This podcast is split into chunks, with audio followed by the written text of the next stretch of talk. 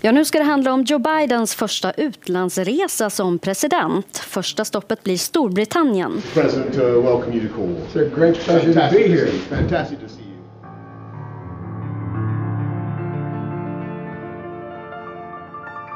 Ja, världens ögon riktas just nu mot den lilla semesterorten Carbis Bay i Storbritanniens sydvästra hörn, som under helgen kommer att befolkas av långt fler poliser än bofasta, då inte bara Boris Johnson och Joe Biden, utan även de andra ledarna för världens rikaste länder, den så kallade Group of Seven, kommer att träffas. Den stora frågan som ska avhandlas är vilket ansvar som de rika länderna ska ta för att hjälpa fattiga länder i världen att vaccinera sina befolkningar. Och inför mötet så har flera av deltagarna nästan försökt övertrumfa varandra med löften om hur många vaccindoser som man tänker skänka bort. Så vad kan vi förvänta oss av det här mötet? Kommer man hinna prata om någonting annat än coronapandemin? Och är det en kapprustning mot att ta ledartröjan som hela världens vaccinbekämpare som vi ser? Jag heter Liv Elgenklöv och du lyssnar på Aftonbladet Daily. Och med oss för att räta ut alla frågetecken är Wolfgang Hansson, Aftonbladets utrikespolitiska kommentator.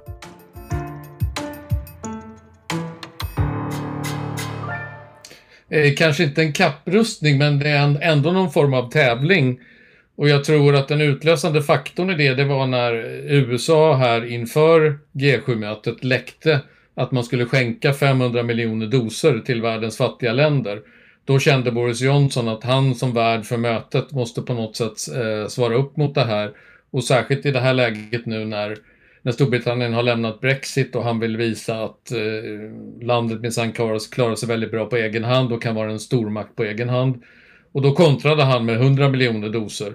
Eh, och sen har jag hört att Macron har sagt att nu måste EU också visa att de är minsann inte sämre än, än, USA och Storbritannien. Så att jag misstänker att även EU kommer att komma med ett bud här. Det kanske också blir 500 miljoner doser eller mer eller mindre. Vi får se, men någonting blir det i alla fall. Och kan man väl säga om den här kapplöpningen så är den ju ändå bra på det sättet att den gynnar den fattiga världen som har haft väldigt svårt att eh, få vaccin. Och, och det är ju så att innan eh, hela världen så är inte heller västvärlden säker när det gäller det här viruset. Och det, risken är att det kommer nya mutationer som gör att, att de här vaccinerna vi har idag inte blir riktigt lika verksamma. Eh, och då, även om det går att modifiera de här vaccinerna så tar det ju tid och det tar tid att vaccinera befolkningen eh, igen. Så att därför är det också väldigt viktigt för, för västvärlden och de rika länderna att de fattiga länderna också blir, att deras befolkningar också blir vaccinerade. Så att det ligger lite grann i vårt eget intresse eh, av att skänka vacciner, eller se i alla fall på något sätt se till att de också får vaccin. För idag har det varit otroligt ojämlikt på den punkten. Det är ju, många länder har ju inte ens påbörjat sin vaccinering medan Eh, Storbritannien och USA har vaccinerat halva sina befolkningar. Det har ju lagts fram förslag också om att man tillfälligt ska ta bort patenträtten på vaccin och behandling mot covid-19. Eh, finns det någon vilja från GFO-mötet att gå, gå den vägen eh, som metod för att världen ska bli fullvaccinerad istället för välgörenhetsmetoden? Ja, USA har ju sagt att man är beredd att eh, tillfälligt upphäva eh, de här patenten. Men däremot så har reaktionerna varit väldigt negativa från framförallt Tyskland som inte tycker att det här är en bra idé. Ehm, och delvis så tycker jag nog att det här med att häva patenten, det är så att säga, det, det låter väldigt bra. Men det i korta perspektivet så gör det inte särskilt mycket för att eh, ge eh, de fattiga länderna fler vacciner. Därför att det är inte bara eh, patenten de behöver, alltså att de kan använda dem, utan det måste också byggas nya fabriker, man måste förse de här länderna med alla de ingredienser och all den tekniska utrustning som krävs för att man ska kun kunna tillverka vacciner. Och det kan man lika gärna göra genom att västvärlden hjälper till att bygga nya vaccinfabriker i den fattiga delen av världen och sen så tillverkar man de här vaccinerna på licens. Eh, och man kan ju också tänka sig att västvärlden hjälper till ekonomiskt att subventionera medicinerna, precis som man gör då när det gäller det här att man skänker bort dem. Så att det tror jag är ett eh, mycket snabbare och bättre sätt att lösa det här än, än, att försöka ge sig in i den här patentstriden. För det, det är någonting som kommer att ta väldigt lång tid Och vi har inte, den tiden har vi inte. Vi måste vaccinera världens befolkning så fort det bara går. Hur ser omvärlden då utanför de rika västländerna på de här löftena som kommer ifrån de mäktiga ledarna? I, I, stora drag så tycker man ju att eh, västvärlden snackar väldigt mycket om att man är beredd att hjälpa till och att man ska ge bort doser och så vidare, men att man ännu har svett, sett väldigt lite av det. Eh, och nu har ju de här doserna som Biden har utlovat, de ska ju då börja levereras i augusti eh, och in, in till eh, inemot nästa vår. Så det kommer ju ta ett halvår innan de här, eh, åtminstone innan alla de här doserna är, är utdelade. Eh, så att det är klart att det finns en, en, en fördröjning i det här, men det är ju ändå positivt att eh, de rika länderna nu fattar konkreta beslut om hur de ska hjälpa till och inte bara eh, säger att, liksom, gör den här läpparnas bekännelse, ja, ja, vi, vi ska se till att hela världen får vaccin, utan det här är ju, det här är ju väldigt konkreta löften där USA har skrivit ett avtal med Pfizer om att leverera 500 miljoner doser som ska gå till de här 92 länderna som, som eh, är i störst behov av det. Och Eh, vi får hoppas att både britternas och EUs löften blir lika konkreta som USAs. Då är det ju i alla fall inte tomma ord, om det finns ett avtal. Nej, det är det ju inte. Eh, sen ska du ju se till att det fungerar också. Vi vet ju att vi har haft problem med att få vaccinleveranser till Sverige, men förhoppningsvis så, så flyter det här på nu på ett annat sätt. Och I och med att eh, behoven i västvärlden är mindre av vaccin nu, eftersom man har vaccinerat sina egna befolkningar till stor del så blir ju konkurrensen om vaccinerna mindre också. Men eh, om vi lämnar pandemin för ett ögonblick, eh, vilka andra frågor står på agendan nu de här dagarna? Det är framförallt två andra frågor och det är ju hur eh, G7-länderna ska eh, lyckas få någon slags gemensam linje gentemot Ryssland och Kina, hur man ska behandla dem eftersom det är länder som går i allt mer eh, auktoritär riktning. Vi har ju sett här nu senaste dagarna hur man i Ryssland har terrorstämplat eh, Navalnys eh, antikorruptionsorganisation som har tvingats slå igen helt och hållet eh, och upphöra med sin verksamhet helt enkelt. Och vi ser i Kina hur, hur regimen där kväser demokratin i Hongkong mer och mer för varje vecka som går. Så att det finns ju ett behov här av eh, en gemensam linje som, där, som kan sätta lite press på, eh, på Ryssland och Kina att, att eh, gå bort från, från de här totalitära tendenserna. Och där finns det ju lite olika, eh, där Europa, Europa har eh, en lite mer förlåtande syn på, på Ryssland och Kina medan USA har en mer tuffare attityd att nu måste vi ta i med hårdhandskarna och det, här gäller det väl att på något sätt jämka ihop de här uppfattningarna. Eh, och sen har vi då klimatfrågan som är också väldigt viktig. Hur, hur ska man få stopp på koldioxidutsläppen i tid för att eh, eh, kunna nå målen i Parisavtalet? Eh, och där har ju, kommer det säkert inte komma några stora utspel eh, under det här mötet, men det är väldigt viktigt för Boris Johnson att han får stöd från de övriga G7-ledarna för, för eh, det han vill göra under klimatmötet som ska hållas i, i Glasgow i november. Där man ju då ska där det säkert kommer att vara så att man ger nya löften om, om utsläppsminskningar och så vidare. Eh, för det är viktigt för Boris Johnson nu att eh, både det här mötet och, och, klimatmötet i Glasgow blir lyckade eftersom det är de första stora möten som eh, Storbritannien håller efter Brexit och, och, då vill han ju visa framfötterna.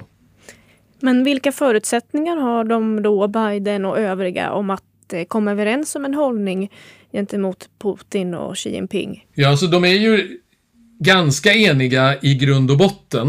Eh, båda har ju infört sanktioner emot både Ryssland och, och Kina. Eh, och jag tror att Europa allt mer lutar lite mer åt den amerikanska linjen. Att eh, det här, eh, att man ska kunna prata Putin och Xi Jinping till rätta som man har försökt med nu under ganska många år, som både Merkel och Macron har, har legat bakom den taktiken. Den tror jag att man eh, lite grann är på väg att ge upp, så jag tror att man är beredd att gå lite mer mot den amerikanska taktiken. Och då, då finns det ju förutsättningar för att man ska kunna eh, komma överens om åtminstone någon slags plattform. Sen kanske man inte är ens i varenda liten detaljfråga om hur man ska agera, men det viktiga är ju att man har en, en och samma linje, att man talar med en och samma röst så att inte Ryssland och eh, Kina kan, kan slå in kilar mellan EU och USA som man väldigt enkelt kunde göra på den, under de fyra åren som Donald Trump hade makten. Vad kan vi vänta oss av det här mötet? Jag tror inte förväntningarna är så jättestora på det här mötet. Eh, dels är det första gången på väldigt länge som ledarna träffas eh, rent fysiskt. Dels så Eh, är fokus mera på att det här är Joe Bidens första utlandsresa.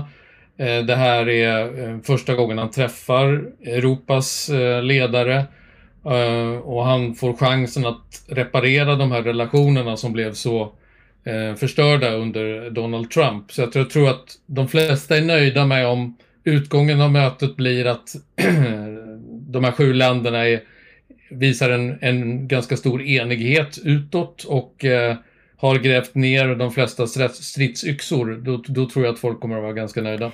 Eh, vilken kritik har lyfts eh, mot eh, mötet?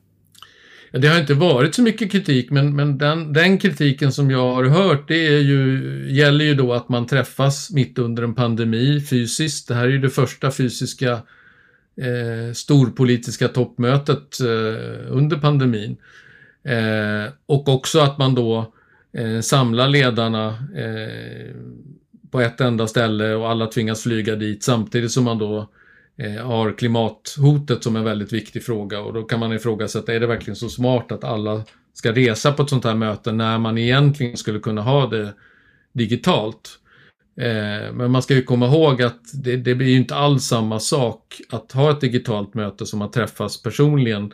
För då eh, umgås man ju i, i korridorerna, man, man äter ihop, man diskuterar ihop, eh, man, man, man knyter vänskapsband och man eh, kan prata informellt med varandra på ett sätt som man inte kan göra när man pratar genom, via en dator. Så jag tror ändå det är väldigt viktigt att det här mötet sker fysiskt. Eh, både för eh, de här ledarna, att de ska kunna liksom få ut mesta möjliga av det även för resten av världen. Väntar vi oss några protester på plats eller ute i världen? Ja, alltså det, det finns de som har ansökt om att få eh, demonstrera mot mötet. Men de har ju då, som är väldigt brukligt numera när man har de här stora mötena, då försöker man hålla de här demonstranterna på väldigt långt avstånd. Så att de finns i någon ort som ligger flera mil bort ifrån mötet. Eh, sen kan det ju uppstå eh, spontana demonstrationer, alltså folk som reser dit utan att eh, ha ansökt om något tillstånd och så vidare och, och, kan genomföra aktioner.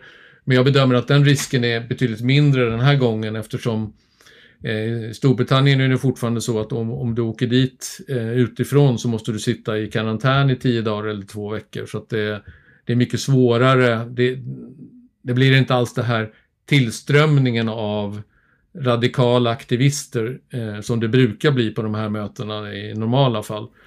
Men hur står det egentligen till med smittsäkerheten? Vi hörde ju i torsdags så fick ett hotell där Tyskland hade sin säkerhetspersonal, eh, de fick stänga på grund av att man upptäckte då coronasmitta.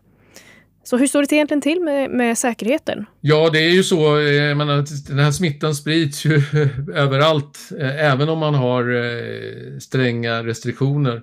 Det har vi ju sett på många håll. Eh, och här har man ju då ett system där eh, alla ledare och deltagare ska testas eh, varje dag. Och om man inte testar negativt för corona, då får man inte vara med på mötet.